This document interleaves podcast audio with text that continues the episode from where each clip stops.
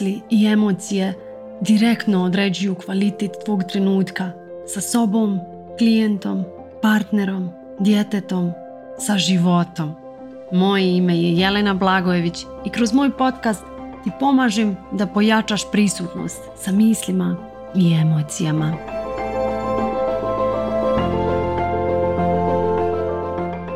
U ovoj epizodi želim da istražim Zašto se pojavljuje naš unutarnji kritičar?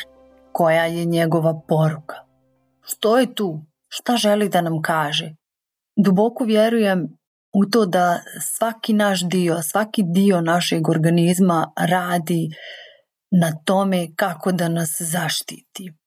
Tako da i dio nas koji se zove unutarnji kritičar tu je u svrhu naše zaštite djeluje kontradiktorno, kako me štiti kad se osjećam tako grozno kada mi se javi unutarnji kritičar, kako je tu da me zaštiti, ne razumijem. I zato idemo sad da istražimo na koji način nas štiti, kako možemo mi da razumijemo tu zaštitu tako da ne bude toliko bolna. Imam običaj da se našalim da se moj kritičar budi prije mene kao da se probudi prije mene, sjedne pored kreveta i onako šapne mi jednu rečenicu šta nisam juče uradila i onda se ja probudim. I kao da taj kritičar se onako nasmi, dobro jutro, tu sam, idemo zajedno i ovo jutro da pijemo kafu. Želim da vam kažem da svaka osoba na svijetu ima svog unutarnji kritičara.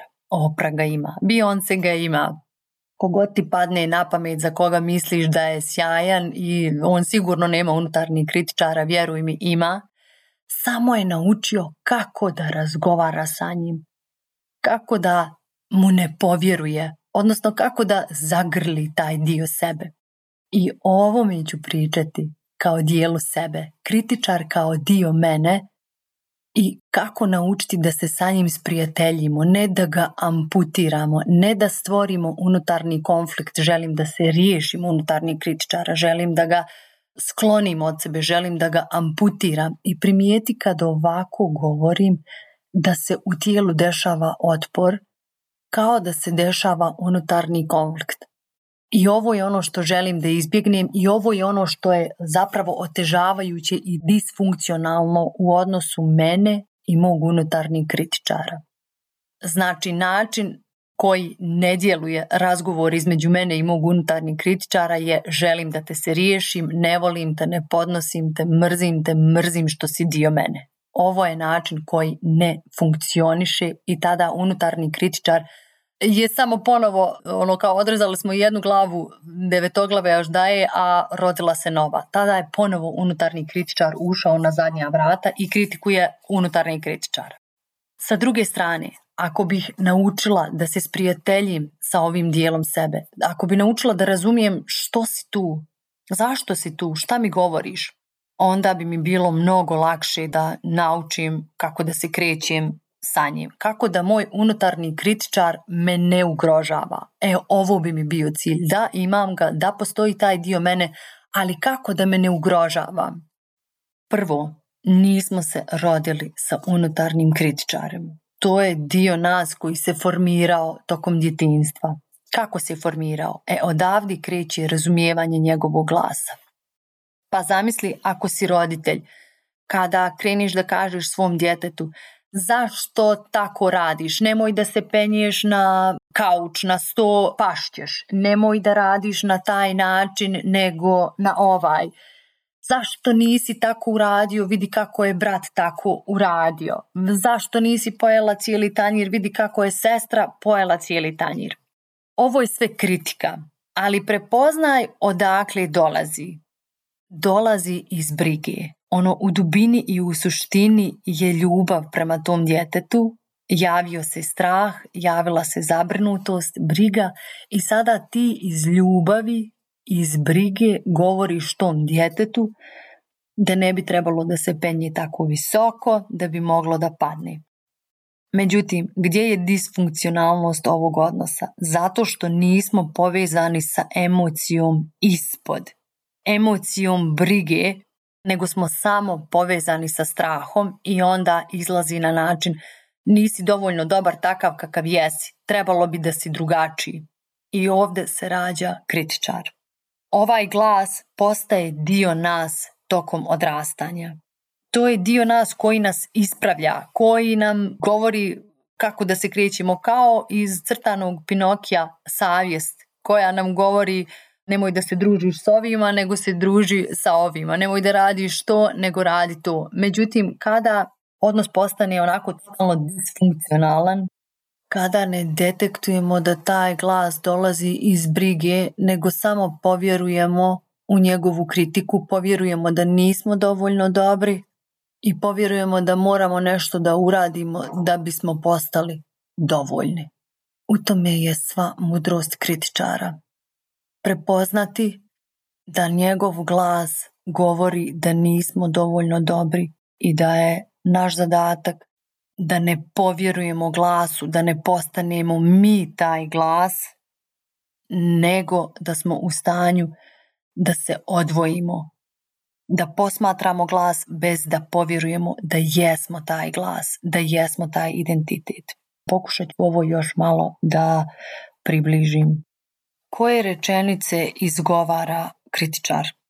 Izgovara šta nisam uradila, šta treba da uradim, i ono što sam već uradila je moglo biti bolje, odnosno nije dovoljno dobro.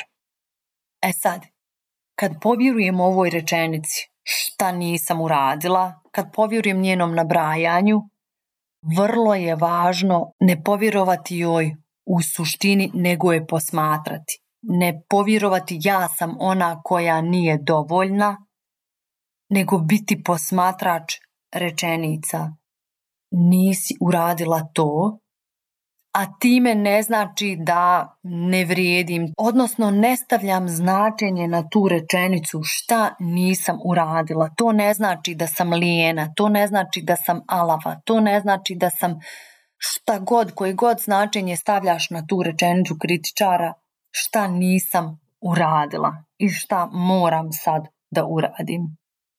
Idem ponovo da nas vratim na razumijevanje da je ispod ovoga briga. Kritičar sve vrijeme želi, njegov nektar je prihvaćenost, njegov nektar je ljubav. Zašto?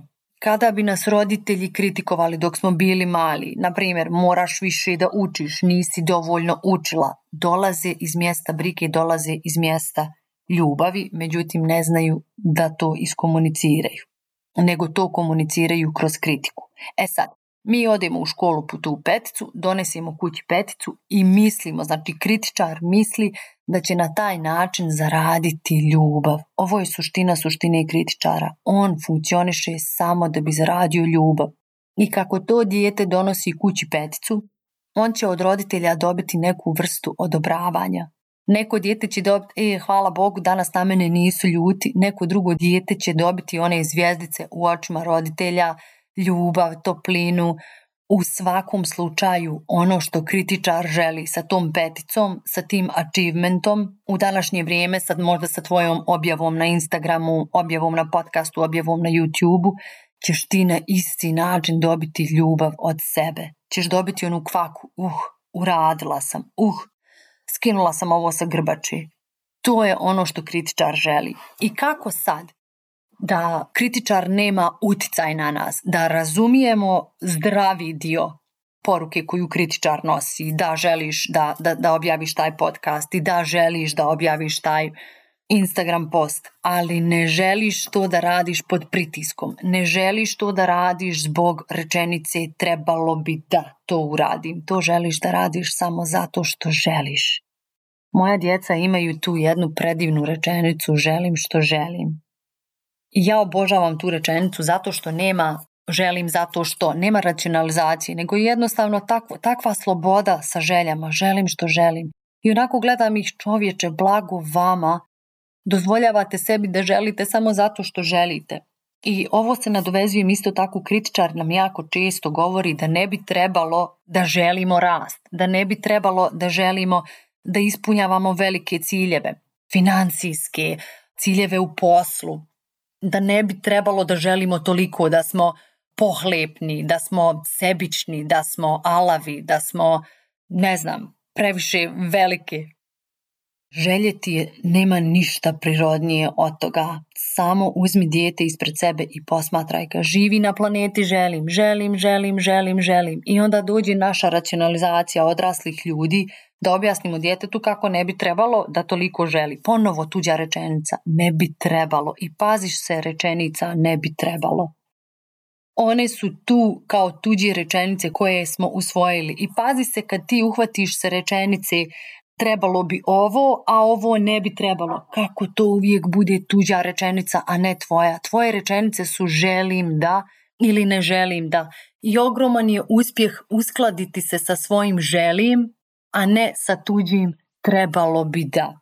Tako da kada kritičar dođe da te kritikuje zato što puno želiš i zato što imaš velike ambicije i velike ciljeve, sa ljubavlju ga podsjeti, želim što želim i ne želim da se osjećam loše zbog toga što želim ovo što želim.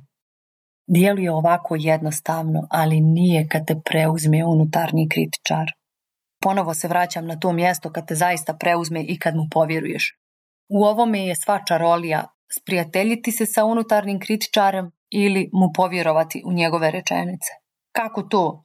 Pa tu dolazi ona moćna prisutnost, tu dolazi stanje prisutnosti u sadašnjem trenutku gdje uspiješ da budeš posmatrač rečenica, šta nisam uradila, šta treba da uradim i ono što sam uradila je moglo biti bolje kad posmatraš te rečenice, kad vidiš da su se pojavile, automatski kao da si upalio svjetlo u mračnoj prostoriji i vidiš da nema čudovišta.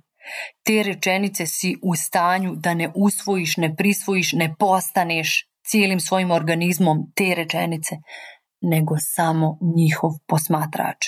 I ovo znači pobijediti i sprijateljiti se sa unutarnjim kritičarem. Razumjeti da je tu iz ljubavi, da je njegova suština ljubav i da on želi zapravo da tim rečenicama kada ti kažem to što nisi uradila, da jesi uradila, voljela bi sebe u tom trenutku. Odnosno, mama bi te voljela u tom trenutku. Kao što te mama voli kad joj donesiš peticu, kao što te voljela kad si bila dijete, tako ćeš ti sada sebe voljeti kad staviš taj post na Instagram ili kad objaviš taj video na YouTube. Samo to želim. Da, kad bi unutarnjem kritičaru dala glas, to bi ti rekao. Samo želim da to uradimo i da budemo mirni. Ali ispod toga je samo želim da me vole. Samo želim da osjetim ono odobravanje, samo želim da osjetim prihvatanje. I kad ovo prepoznaš, onda vidiš da taj kritičar nije neki ogromni monstrum, nije neko veliko čudovište iz ormara, nego je samo malo dijete željno ljubavi. A ti si ta ljubav. Ti si u stanju da zagrliš i prihvatiš i budeš prostor za to malo biće, za tog malog kritičara. Da ga ti pomiluješ i da ga ti smekšaš i da osjetiš kako će se u tebi istopiti. Ovo ne znači da ste raskinuli. Sutra će se ponovo probuditi prije tebe, ali to sad nije problem jer znaš kako ćeš razgovarati sa njim ponovo kad se probudi. Eto ga, dragi moji, hvala vam na prisutnosti i pišite mi na Instagram ako želite još neku temu da obradim za vas. Hvala vam. Kako da znaš da nešto razumiješ? Tako što ti primjena postaje druga priroda. Ako ti je potrebna pomoć sa primjenom, paket individualnih konsultacija je rješenje. Zakaži svoju prvu besplatnu konsultaciju na mail ispod i započni svoju transformaciju.